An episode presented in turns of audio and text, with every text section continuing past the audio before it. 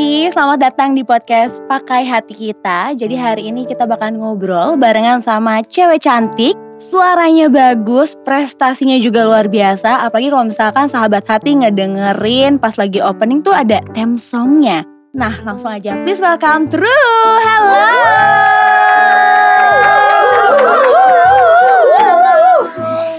Semangat ya hari ini ya. Semangat banget. Pasti. Boleh dong dikenalin dulu nih sama sahabat hati yang dari paling hijau ini. Wow, bukan hijau. hijau semua ya. Boleh dikenalin dulu nih kak, hari ini ada siapa? Yes. Halo semua, kita dari True. Ada aku Tania. Ada Rena. Ada Dara. Halo. Oke, ini bisa dibilang tuh grup vokal, girl band atau girl group sih sebenarnya. Kita lebih ke grup vokal. Grup vokal ya, jadi nggak ada dance dance gitu, nggak ada atau akan ada nantinya. By request sih. By request ya, bisa ya. Apakah ada mau open Kita- recruitment biar jadi Blackpink? Kita mau nyoba sekarang ya. Ayo. Oke, lagi pada sibuk apa sih kak hari ini kak? Kalau hari ini sih sebenarnya kesibukan kita tuh aduh lumayan lumayan padat. Oke.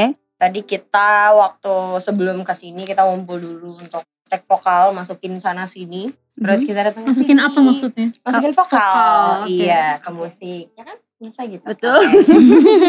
Terus kita datang ke sini untuk ngobrol-ngobrol, dipakai hati kita. Ngobrolin tentang hati kita.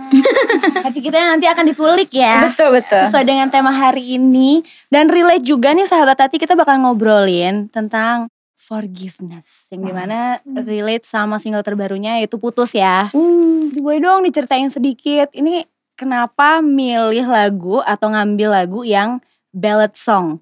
Kan ada nih kayak ya kita pengennya happy song atau ballad song. Sebetulnya dibandingkan kita dari awal udah pengen nyari, oke kita mau ballad song deh gitu. Mhm. Lebih ke kita memang punya bang lagu nih. Ada beberapa Oke. lagu yang dicalonin untuk rilis singlenya. Tapi setelah kita dengerin entah kenapa kebetulan semuanya sepakat ya kalau Iya. kita sama-sama pengen ngeluarin lagu putus ini. Oke. Tapi mungkin fase dalam hidupnya mencerminkan pilihan itu gitu. Apakah ini jadi pada putus semua? Apa gimana nih? Boleh dong dikasih tahu. Tapi pasti udah pernah putus kan? Iya. Walaupun sekarang pasti Iya. udah ada yang pernah ngalamin Udah ngerasain putus, ya. Putus gitu kan. Sebenarnya ini lebih ke bikin demo dulu. Mhm. Kita udah pernah kita pikir lagi kayaknya emang ini saat yang paling tepat ya buat ngeluarin putus karena emang dari awal tuh kita udah suka banget nih Oke. sama single putus kayak ini bakalan keluar jadi single kita sih dari sekian banyak Hmm. dalam bang lagu terus akhirnya kita memutuskan kayak oke yang sekarang ini putus sih kita keluarin Apakah yang dulu belum putus sekarang udah jadi putus atau gimana nih? Oh, gimana Relate ya, boleh kali sedikit diceritain gitu kan. Hmm. Siapa tahu gara-gara lagu putus ini jadi kayak ah nanti next relationshipnya gue nggak boleh nih kayak gitu gitu. Sih bukan lebih bukan ke pelajaran soal putusnya malah. Hmm. Jadi Tapi? kayak habis putus tuh kan ada jadi kayak udah sekian lama putus habis itu kan kita kayak ada tahap yang setelah move on Betul? oh kita kan ada tahap yang kayak oke dia udah lewat gitu. Nah itu kan namanya acceptance ya. Kayak Betul. kita nerima gitu keadaan kita yang sekarang. Oke, I'll go on with my life. Gue tinggalin cerita yang lama, gue tinggalin cerita yang baru. Itu lebih benefit buat diri kita sendiri sebenarnya. Aha. Bukan buat condition, bukan buat orang lain. Jadi emang lagu putus ini tuh sebenarnya ceritanya itu lebih ke ngasih tahu orang kalau misalnya lo bisa accept Mhm. itu itu hidup lo bakalan lebih nyaman gitu. Hmm. Jadi kayak nikmati saja sakitnya takkan lama. Nah iya aku tadi baru aja mau bilang aku pas dengerin lagunya tuh liriknya yang nikmatin saja karena sakitnya nggak akan lama itu sebenarnya bener kan kalau kita nikmatin rasa sakit itu kita nggak akan ngerasain kalau ternyata lama ya kita ngerasa sakitnya Hmm. itu bener nggak sih kalau dari terus sendiri gimana ngerasainnya Sebetulnya ketika kita denger juga emang kalimat itu yang bener-bener nyampe ke kita gitu. Mhm. Pastinya kita baru ngerasa emang nih kena banget kalau udah ngelewatin kan gitu. betul Jadi lagu ini walaupun ngomongin tentang putus tapi menurut kita lagu yang cukup dewasa karena bukan yang bersedih-sedih gitu di dalamnya bukan menceritakan kalau oh my god gue putus atau bahkan kayak mau revenge ke whoever it is yang bikin kita seperti ini kayak gitu. Tapi lebih ke kalau misalnya kita tarik untuk melihat the bigger picture ya itu sesuatu yang simple itu sesuatu yang ya udah kalau putus ya emang rasanya sakit tapi ntar juga you will move on kayak gitu setuju Setuju. Kenapa gitu ya? terpaksa Setuju gitu. Apalagi kalau misalkan tapi kalian percaya gak sih kalau kita sudah menerima tapi itu udah memaafkan? Hmm. Bener apa enggak? Atau kayak ya udah gue nerima, putus, move on, tapi kayak sebenarnya gue nggak maafin gitu. Dari terus sendiri seperti apa? Karena boleh mungkin. Hmm, nerima bisa jadi belum memaafkan juga ya kan Iya. karena kan nggak semua orang bisa dengan gampang memaafkan ada beberapa momen kayak mungkin ya ada Hmm. beberapa cerita yang kayak kalau oh iya gue udah menerima keadaan gue putus nih Betul. sama pasangan gue tapi kalau ketemu sama mantan masih lumayan Lager ya? hmm, iya kan Enggak kan tanya aja. Gayung bersama guys. Eh, mungkin Ya, gitu mungkin. ya Ya, kan. cerita orang lain Iya. nggak ada di sini tapi ada di sana ya kan? gitu jadi kalau misalkan dibilang putus menerima tapi belum memaafkan bisa jadi juga gitu Iya gak sih Tan? Tapi ada juga versi lainnya. Bisa Mhm. jadi dia udah maafin tapi, Tapi- lebih ke maafin kondisinya Iya, atau maafin cerita masa lalunya, bukan orangnya. Benar, Oke, betul gitu. banget. Iya, setuju. Iya kan? Jadi Setuju banget. tapi quote unquote bisa dibilang kita maafin orangnya. Oke. Tapi enggak semata-mata kita langsung yang kayak oke gue bisa balik temenan sama lo atau Benar, gue benar, bakalan komunikasi intens lagi sama lo nggak gitu gitu. Jadi kayak maafin tapi I'm done. Kan ada yang gitu. Ya betul. Gitu. Aduh. Kayak ada yang mau dikeluarin ya tapi masih tertahan ya bun. colek dikit Aduh colek dikit ya kita buka lagi ya. Masih lama kan durasinya ya. Masih lama ya. Oke, ini pernah gak sih ngalamin yang di mana rasa sakit hati sama seseorang? Tapi gak selalu harus pacaran juga kan. Mungkin sahabat sendiri, sama orang tua, atau mungkin bahkan sama orang yang kayaknya baru kenal. Terus tiba-tiba udah ngejudge. Dari omongan itu kan bisa nimbul yang namanya rasa sakit hati. Pernah gak sih ada pengalaman kayak gitu? Boleh dong diceritain. Cerita antara kita bertiga. Iya siapa tahu pas lagi kumpul-kumpul juga satu sama lain kayak pernah pasti ya yang namanya cekcok atau clash juga gitu. Hmm. Pernah atau enggak? Gimana nih? Pernah lah pasti. dia tadi udah ada suara-suara Gitu Suara-suara kayaknya ya sedikit deh. Bo, gitu. Ya pasti pernah lah ya, nggak mungkin nggak ada orang yang nggak pernah sakit hati itu nggak mungkin. Ya kan beb, ya kan? Belum bantu aku. Iya. Kalau aku sih pernah ke temen, Oke. pernah juga ya, sometimes ke orang tua gitu Mhm. kan. Terus ya ke pacar juga, ya dong. Ya gitulah pernah. Karena boleh dong dikasih tahu cerita Karena entah ke siapa aja tapi yang kayak aduh kok gue nyelekit banget sih sama omongan lo saat itu gitu. Sampai kayak keinget gitu sampai sekarang. Oh iya, pernah. Ini sama temen aku ya. Oke. Ini udah lewat lama banget. sebut saja Tania Bukan, bukan. bukan. dia baik kok. Apa? Walaupun dia kelihatannya galak tapi dia baik banget. Darah juga baik. tapi bohong. Canda. Jadi aku punya teman dulu Oke. perempuan. Aku nggak akan sebutin nama ya kan karena kasihan juga dia. Gitu. Buat kamu nih denger gak podcastnya gitu. temen gue yang pernah nyakitin Aku tahu nih namanya nih Iya kayaknya. kan? kita yang Iya. sebut satu Eh, jangan. Enggak. Jadi pernah aku sama dia ikut audisi, audisi salah satu girl band gitu. Mhm. Bukan mereka berdua ya. Iya. Hmm, dia she can dance, dia bisa dance. Aha. Dan aku emang basicnya cuma nyanyi, aku tuh uh, agak kurang di dance, tapi bisa, cuman gak sebisa dia pada waktu itu. Oke. Dia di rumah aku pada waktu itu malam-malam dia bilang gini, Rena, kok nggak latihan dance gitu kata dia. Oke. Aku bilang, ah nanti aja, kayaknya besok aku nyanyi aja nggak bisa ngedance. Oh iya, soalnya mereka yang bakal diterima tuh cuman yang bisa ngedance doang. Serius? Sumpah. Baik, oke. Iya, Dia bilang gitu. Terus aku kayak, you're my friend, dude. Gitu. Iya, kamu pengen kasar ya jadinya Iya, kalau dia kayak bilang gitu ya. Terus besoknya aku yang keterima. Bye. Dua-duanya nyanyi Iya. sama dance. Iya. Wah gila temen gue. Enggak, cuman tapi sampai sekarang masih kayak lo lihat gue, lo lihat gue, gue true. gitu. Tapi itu menjadi apa ya motivasi ke diri sendiri ya Iya, kalau gitu jatuhnya. Kalau mungkin dari Kak Dara pernah ngerasain sakit hati yang dalam banget gitu mungkin. jadi gini Gitu. Itu matanya udah mau netes maaf sih, bener. Enggak, kalau aku sih sebetulnya kalau mau dibilang menurut aku Mhm. aku orang yang cukup sensitif Oke. terutama tentang kata-kata gitu. Tapi bakal beda jauh reaksinya kalau orang yang menyakiti itu adalah orang terdekat Iya. sama orang yang Bener. menurut aku nggak dekat. Jadi Oke. kalau buat aku pribadi orang yang dekat dan aku kasih ekspektasi tinggi itu Mhm. udah jelas gitu siapa dan lingkarannya kecil gitu. Oke. Cuman ada satu occasion di mana waktu itu aku masih kecil sih, masih SMP. Dan ini kenapa kamu ketawa? Jadi gini, kemarin itu kita sempat gimana ngomong, gimana? please kita jangan bahas masalah anak kecil gitu. Oke. Ayo kita ngomongin ini. Dia datang ke sini mau cerita SMP. Aku sakit hati sekarang. Aku ganti yang tadi. Oke. banget cerita SMP. Langsung diganti. Gak Tapi- apa-apa, aku tapi penasaran sama tapi cerita ini, itu. Tapi ini parah banget. Jadi aku dulu kan pernah ikut semacam ajang Pencarian kompetisi. bakat. Iya, ajang Ah. pencarian bakat waktu kecil. Terus di sekolah aku itu eh, jadi lumayan lah supporternya gitu. Ah. Even guru-guru juga pada mendukung dan lain sebagainya. Cuman ada aku di tengah-tengah sambil mikir kayaknya nih mau diketawain apa jadi deg-degan ya. Enggak, enggak, enggak. Nanti ada bagiannya kok, ada bagian. Reaksinya harus bagus ya nanti. Oke, siap. Suatu ketika ada acara semacam kayak upacara lah dan lain-lain sebagainya. Terus ini nggak penting banget sih sebetulnya. Aku setiap kelas intinya diminta untuk kasih perwakilan ada yang nyanyi ada yang segala macam. Tapi di kelas aku waktu itu yang mewakilin bukan aku, which is ya normal aja gitu Iya. kan. Ada yang mau mewakilin kan nggak harus aku gitu. Tapi entah kenapa waktu itu kepala sekolah aku ini kepala sekolah yang udah dewasa gitu. Mhm. Marahnya bener-bener sampai manggil dan di depan orang-orang ngata-ngatain.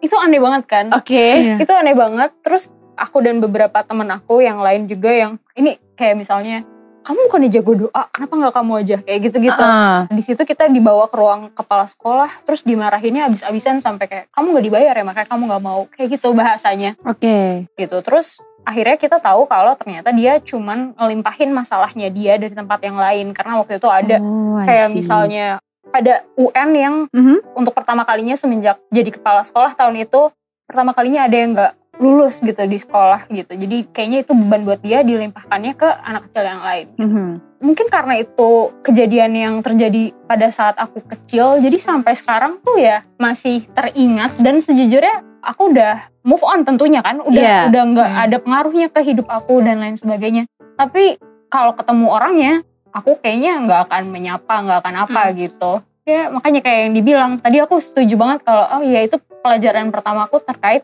ya aku memaafkan keadaan aku memaafkan untuk for me to move on tapi kalau untuk orangnya sendiri menurut aku ya nggak perlu lah gitu Karena sebenarnya itu adalah masalahnya dia yang dia limpahkan ke orang yang sebenarnya itu nggak salah. Hmm. Ya. Pengen aja marah-marah gitu sebenarnya ya kan. Hmm, Tapi sejauh ini sudah memaafkan keadaan. iya udah udah Kalau ketemu orangnya gimana nih? kalau ketemu orangnya diemin aja sih gitu kayaknya aku Mager nggak ya? akan- iya mager ya nggak tahu ya begitu ketemu orangnya ternyata kayak ingat kak nggak berani juga sih Sudah lama juga ya. lama udah lebih tua juga jadi ya Udah. Ibu.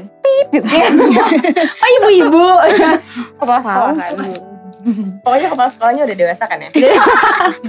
Tadi dari bilang kepala sekolah yang udah dewasa, ya iya ya mungkin harusnya dewasa ya. Karena Hmm, umur iya. tuh nggak menentukan kita tuh jadi dewasa apa enggak. Betul. Kalau dari katanya sendiri ada nggak sih pengalaman-pengalaman yang sampai sekarang ngeganjel di hati yang duh kayak gue nggak bisa move on gara-gara masalah ini nih gitu. Kalau aku ya, aku tuh tipe orang yang sebenarnya bisa dibilang kekurangan sih. Aku itu gampang banget reaktif sama suatu keadaan. Oke. Jadi karena aku orang ekspresif, begitu ada kayak sesuatu tuh aku bisa langsung yang kayak meledak, Mhm. bisa marah, bisa ngeluarin sesuatu. Tapi ketika aku pulang atau aku malam gitu kan, lagi Mhm. mikir gitu kan kayak kayak tadi gue salah deh ngomong gitu. Ya eh, walaupun aku ya aku misalnya sakit hati gitu. Mhm. Nah, walaupun aku tadi hurt, tapi kayak harusnya kayak reaksi gue nggak gitu deh, gitu kan. Aku sering gitu gitu. Oke. Tapi di dalam hidup tuh, aku juga punya beberapa orang yang pernah deket banget sama aku, tapi aku belum dekat hubungan sama mereka sekarang. Kenapa? Apakah karena masalah itu atau karena emang udah maafin tapi udah malas lagi deh ketemu? Nah, sama kayak yang tadi aku bilang benar, aku tuh udah maafin kondisinya.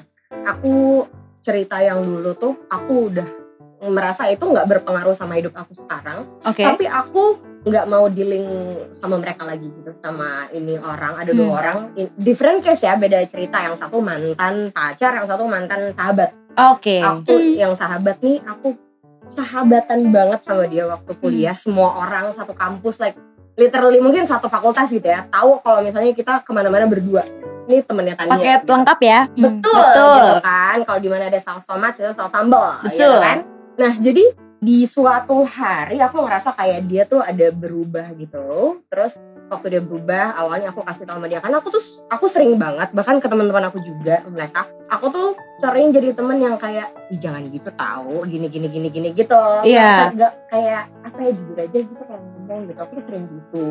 Jadi mungkin dia di depan aku ngomongnya iya iya iya Tania oke thank you gitu. Tapi ternyata di belakang aku dia ngomongnya Oh. Tania baik. selalu ngingetin gue marahin gue bla segala macam gitu. Oke. gitu kan. Nah aku I didn't expect that gitu. Karena dia di depan aku iya oke thank you. Dan kita temenan kita sahabatan kita ke mana-mana berdua. Tapi ternyata dia ngomongin aku di belakang aku. Tapi ternyata pada suatu hari kebalik nih dia tiba-tiba nelfon gue ngechat gue marah-marah. Dia bilang lo ceritain apa ke orang-orang tentang gue? Padahal enggak sama sekali aku Oke. ceritain apa-apa gitu. Ternyata dia punya teman lain yang ceritain itu ke orang Oh, ternyata oke. bukan gue gitu. Jadi gini kayak ya karena dia tahu dalam realitanya dia temenannya sama aku jadi dia lupa kalau dia punya temen yang lain yang dia share her secret juga gitu. Oke. kadang kita karena kita ngebohong kita sampai percaya sama kebohongan kita sendiri kan jadi dia in in reality semua orang tahu dia sahabatannya sama aku dia kira lu tahu rahasia dia cuma aku. Padahal dia lupa kalau dia udah pernah nyampein ke ceritanya tuh gitu dan dia nyampein rahasia aku juga ke orang lain yang aku bahkan gak deket gitu. Aku Mhm. kenal tapi aku nggak deket dan dia ceritain rahasia aku. Dia kayak balas dendam ke orang yang salah. Ternyata yang salah bukan gue gitu. Beberapa hari kemudian Aha. setelah dia marah-marah maki dan itu waktu itu kita mau recording. Ya aku tahu Aku tahu. Kok. jadi aku nangis-nangis di studio. Because she was my best friend. Oke. bener-bener se-best friend itu. Rena kenal udah pernah aku ajak kenalan sama Rena. Pernah nginep tempat aku juga. pernah nginep tempat Rena barengan. Gitu ya dan aku nangis bener-bener nangis hari itu aku nggak bisa recording gara-gara kayak oh patah Oh, iya, lebih paham. kayak lebih kayak putus sama pacar tau Iya. gak? kayak gitu karena ke mana-mana berdua kan walaupun dia empat hari kemudian dia minta maaf tapi aku ngerasa kata-kata dia pada saat itu udah nggak bisa bikin aku baik lagi balik Oke. lagi gitu tapi udah kita jalan separate ways walaupun kita masih satu kampus tapi kita Mhm. udah gak ngobrol lagi aku sama sekali sudah tidak pernah mengikut campuri semua urusan kehidupan dia. Dia pernah datang ke aku terus bilang kenapa sih kita sekarang gini? Gitu. Terus satu-satunya kalimat yang bisa aku sampaikan adalah kayaknya ya memang gini kita nggak cocok temenan.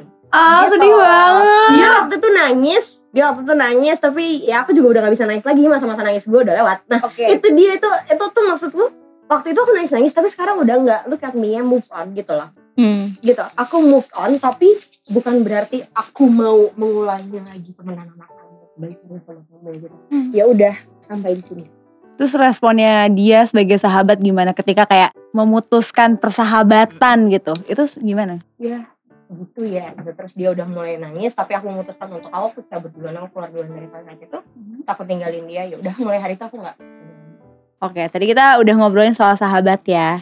Kita akan move on ke yang lebih deket lagi. Ada gak sih clash sama orang tua? Karena kan ketemu sama orang tua mungkin bisa setiap hari. Karena hal-hal kecil yang kayaknya kalau kita lagi sensitif orang tua ngapain tuh kayak kita gampang banget gitu untuk marah gitu. Ada gak sih? Boleh dimulai dulu mungkin dari kakak siapa nih? Mau Karena boleh? Rena udah jauh aduh Ada apa nih kak? Boleh dong dikasih Eh, tahu nih. Soalnya kalau misalkan ngomongin orang tua kan sensi banget, apalagi Betul. aku deket banget. Terus baru terjadi sesuatu kan Tania juga tahu. Jadi kayak tahu? ya, ya kan Aduh, aduh. bareng coy kan aku cerita. sama Tania. nanti tahu Iya. Kamu maafin aku nggak kalau kamu sakit?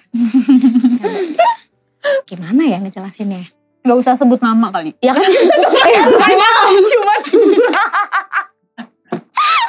Oh, tapi udah mention ya orang tua ya. salah alamat trying to help. Terima kasih atas pertolongannya. Oke. Aku tuh dari kecil Aha. bukan tipikal anak yang rebel bandel gitu loh. Oke. Nggak pernah diajarin bandel karena mamaku juga tipe orang yang tegas. Jadi mamaku orang tuaku sebenarnya Mhm. terbiasa sama aku yang nggak pernah ngebantah. Oke. Kamu harus gini ya, oke. Kamu nyanyi ya, oke. Kamu nanti pulang sekolah langsung pulang ya, oke. Gitu. Sampai akhirnya aku udah segede gini, mamaku tuh selalu mengharapkan kayak, oh kan Rena anak baik, jadi harus dong ikut maunya mama. Tapi saking deketnya aku tuh lebih banyak berkomunikasi dengan orang tuaku gitu loh. Jadi kalau ada yang salah dari mamaku biasanya aku sampein. Mhm. Cuman nggak bisa terlalu nyampein gimana karena mamaku taunya aku anak baik. Jadi Oke. nggak ada yang salah dari Tapi orang baik tua. banget kan? Baik banget kok. aku. Siapa? Yang nanya. Kamu. Terus papaku tuh orangnya temperamen Oke. dari dulu aku kecil. Aku tuh sebenarnya sampai aku umur 20-an punya sedikit apa namanya ya? Kayak bukan dendam, apa apa istilahnya? Trauma. Ter- ter- ya kalau di, di agamaku istilahnya kepahitan gitu loh Oke. sama my dad. Terus ya udah seiring berjalannya waktu sampai saat ini pun aku tuh merasanya belum ada keinginan yang benar-benar dari aku banget yang dibolehin sama orang tua aku gitu. Sampai sekarang. Itu terlalu menyakitkan buat aku. Tapi nggak mau nangis karena udah gede. Siapa tahu mungkin bisa lebih lega juga kalau nangis ya. Enggak, kalau nangis jadi keterusan. Kita lah pokoknya ya. Hal apa sih yang pengen disampaikan Karena ke orang tua yang kayak aku pengen banget ngomong ini tapi aku nggak bisa nyampein ke orang tua karena mungkin aku bingung nih gimana cara menyampaikannya. Apakah kata-kata aku terlalu sakit untuk orang tua denger atau seperti apa? Yang mau aku sampaikan itu mungkin aduh bergetar kan suara gue. Em, kayak aku rasa udah cukup aku belajar untuk membuat mama dan dediku, aku melalui mama dan dediku untuk percaya gitu kalau aku tuh nggak akan nggak akan ngapa-ngapain yang merusak nama baik kalian gitu. Jadi for now mungkin belajarlah untuk terus lebih mempercayai aku lagi gitu. Oh. Percaya aja kalau aku nggak akan ngapa-ngapain udah 20 gitu. Kayak aku sudah cukup membuktikan kalau aku ini nggak akan begitu gitu. Aku nggak akan ngelakuin hal yang kalian pikir jelek. Aku nggak tahu ya apakah ini terjadi sama semua anak dan aku nggak tahu apakah aku akan one day akan jadi orang tua yang seperti itu juga. Aku harap enggak. Cuman aku merasanya kadang entah nggak cuma aku, tapi orang tua tuh selalu berpikir menyenangkan hati orang tua itu adalah benar, Oke. even itu salah gitu. Tapi giliran hal yang jelek sekalipun, tetapi itu nyenengin hati orang tua, itu tuh bener. Iya, iya kan? Iya dong. Jadi sometimes mungkin tanpa sadar itu udah nyakitin hati anaknya, tapi nggak nggak nggak sadar aja gitu. Belum tersadar. Oke. Uh, kita move on dulu sebentar ya, sahabat hati, ke cerita yang satu ini. Nanti kita akan rangkum lagi. Boleh kalau dari Kak Tania sendiri ada nggak sih yang dilakuin orang tua sehingga kayak Kak Tania nih ngebekas banget di hati gitu? Aduh, kalau mau ngomongin cerita orang tua ya, aku itu sebenarnya tuh dari kecil Mhm. hidup di dalam keluarga yang cukup keras buat sama anaknya. Oke. Kalau mau diceritain sebenarnya gini, dulu tuh aku tinggal di daerah konflik, eh, papaku dari kepolisian. Terus dulu tuh tugasnya di daerah konflik dari aku kecil, bahkan dari papa belum menikah. Dulu kita di daerah Aceh tinggalnya. Oke. Ketika di daerah Aceh tuh aku nggak TK karena papa nggak bolehin aku keluar karena emang daerah konflik kan, Oke. emang senggaman itu. Terus tapi itu kayaknya itu kebawa sampai masa-masa aku aku SD, aku SMP gitu. Aku dulu nggak boleh main sama temen yang keluar gitu nggak boleh pulang sekolah ya langsung ke rumah gitu kayak aku ngerasa semua yang harusnya dilakuin sama anak SD malah kurang gitu kalau Oke. buat aku aku kurang main gitu sampai di masa SMP kelas 3 SMP tuh udah mulai punya waktu lain selain sekolah yaitu bimbel. Oke, jadi Iya ada kan? kegiatan lain ya. betul. Nah tapi aku menyalahgunakan waktu buat bimbelku itu yang harusnya aku bimbel aku cabut. Aku main aku bolos main sama teman-teman aku aku masih pakai baju seragam sekolah seragam SMP aku pulangnya jam 12 malam. Tapi waktu itu aku bilangnya tuh aku pembelaannya bukan yang kayak karena aku pengen main enggak. Tapi aku nggak betah di rumah. Oke. jadi yang bikin aku pengen keluar bukan karena di luar lebih menarik tapi karena di rumahnya yang aku gak nyaman Kondisi dalam rumahnya justru yang buat kita kayak berontak ya. Betul. uh, uh. mungkin it's bad for me to say that karena itu rumah.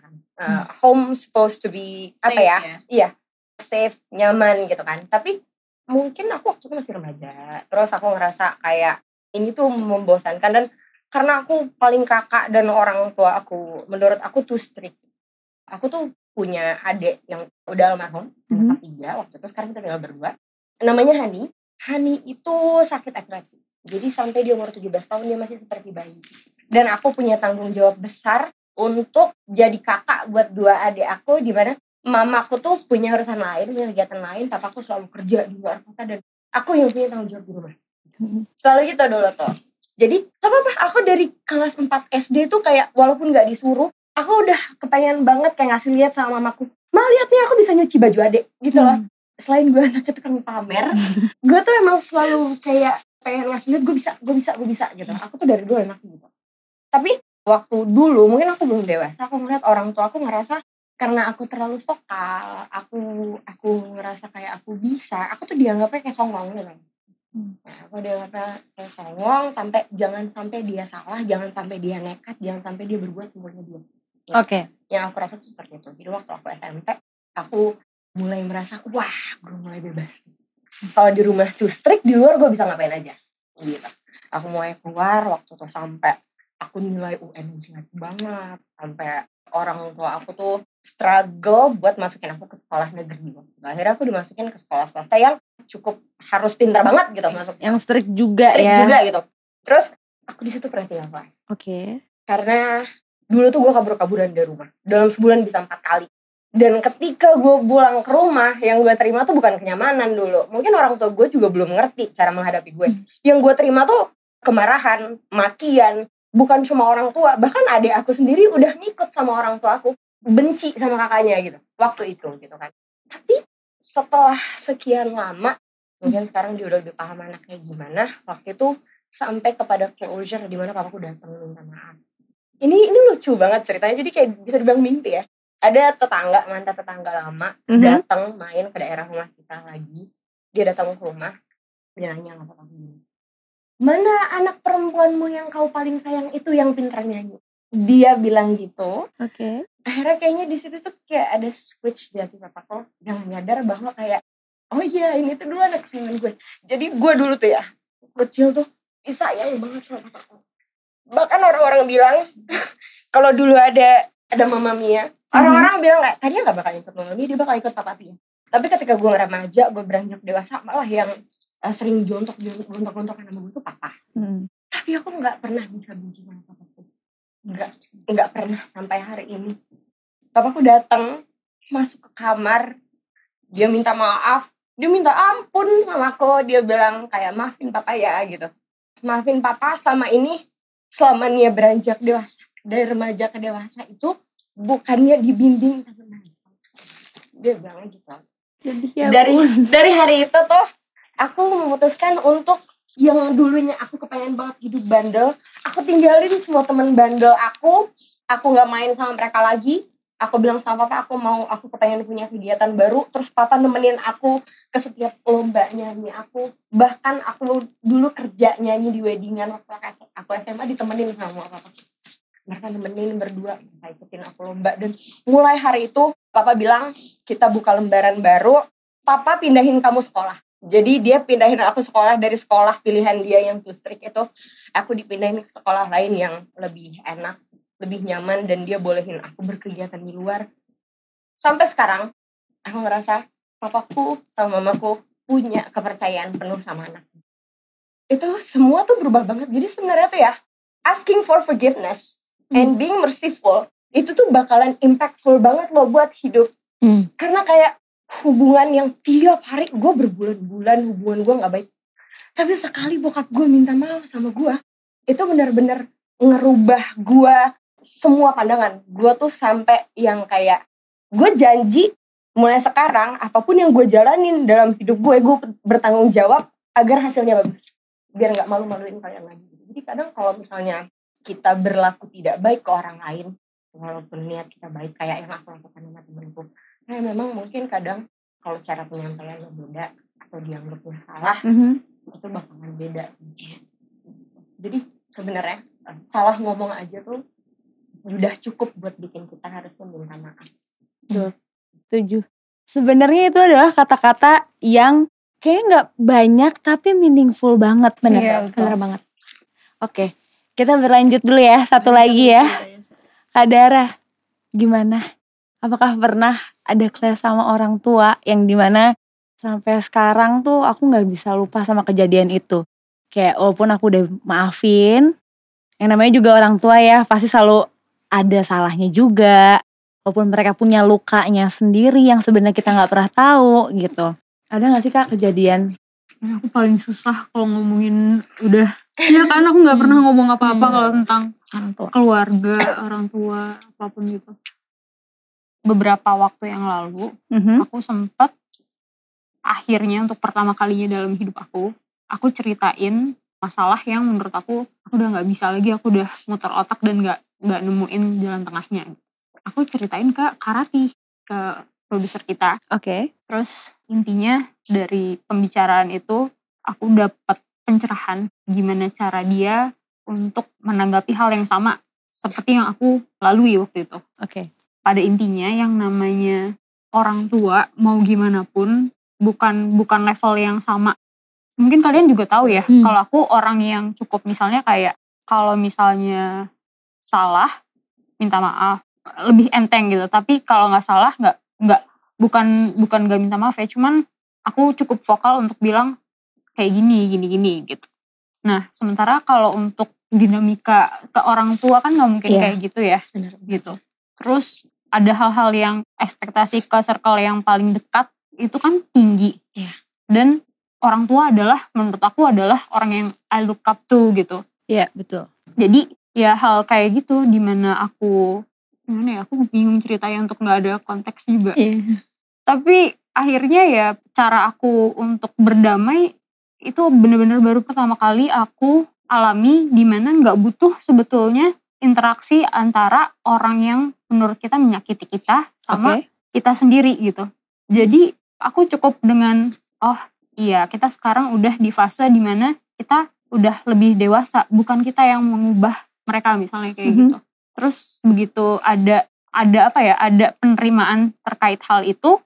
Sekarang menurut aku ketika aku berada di rumah, ketika aku ngobrol sama mereka ternyata plong gitu. Jadi ternyata selama ini bahkan hal yang menurut aku oh ini kepahitan aku apa gitu itu tuh aku bahkan nggak nggak pernah ungkit itu aku nggak pernah tahu kalau ternyata aku belum menerima itu jadi itu meledaknya di satu poin aja gitu. Sampai aku kayak oh my god ternyata itu yang selama ini bikin aku berperilaku ABCD misalnya kayak gitu. Iya. Oke.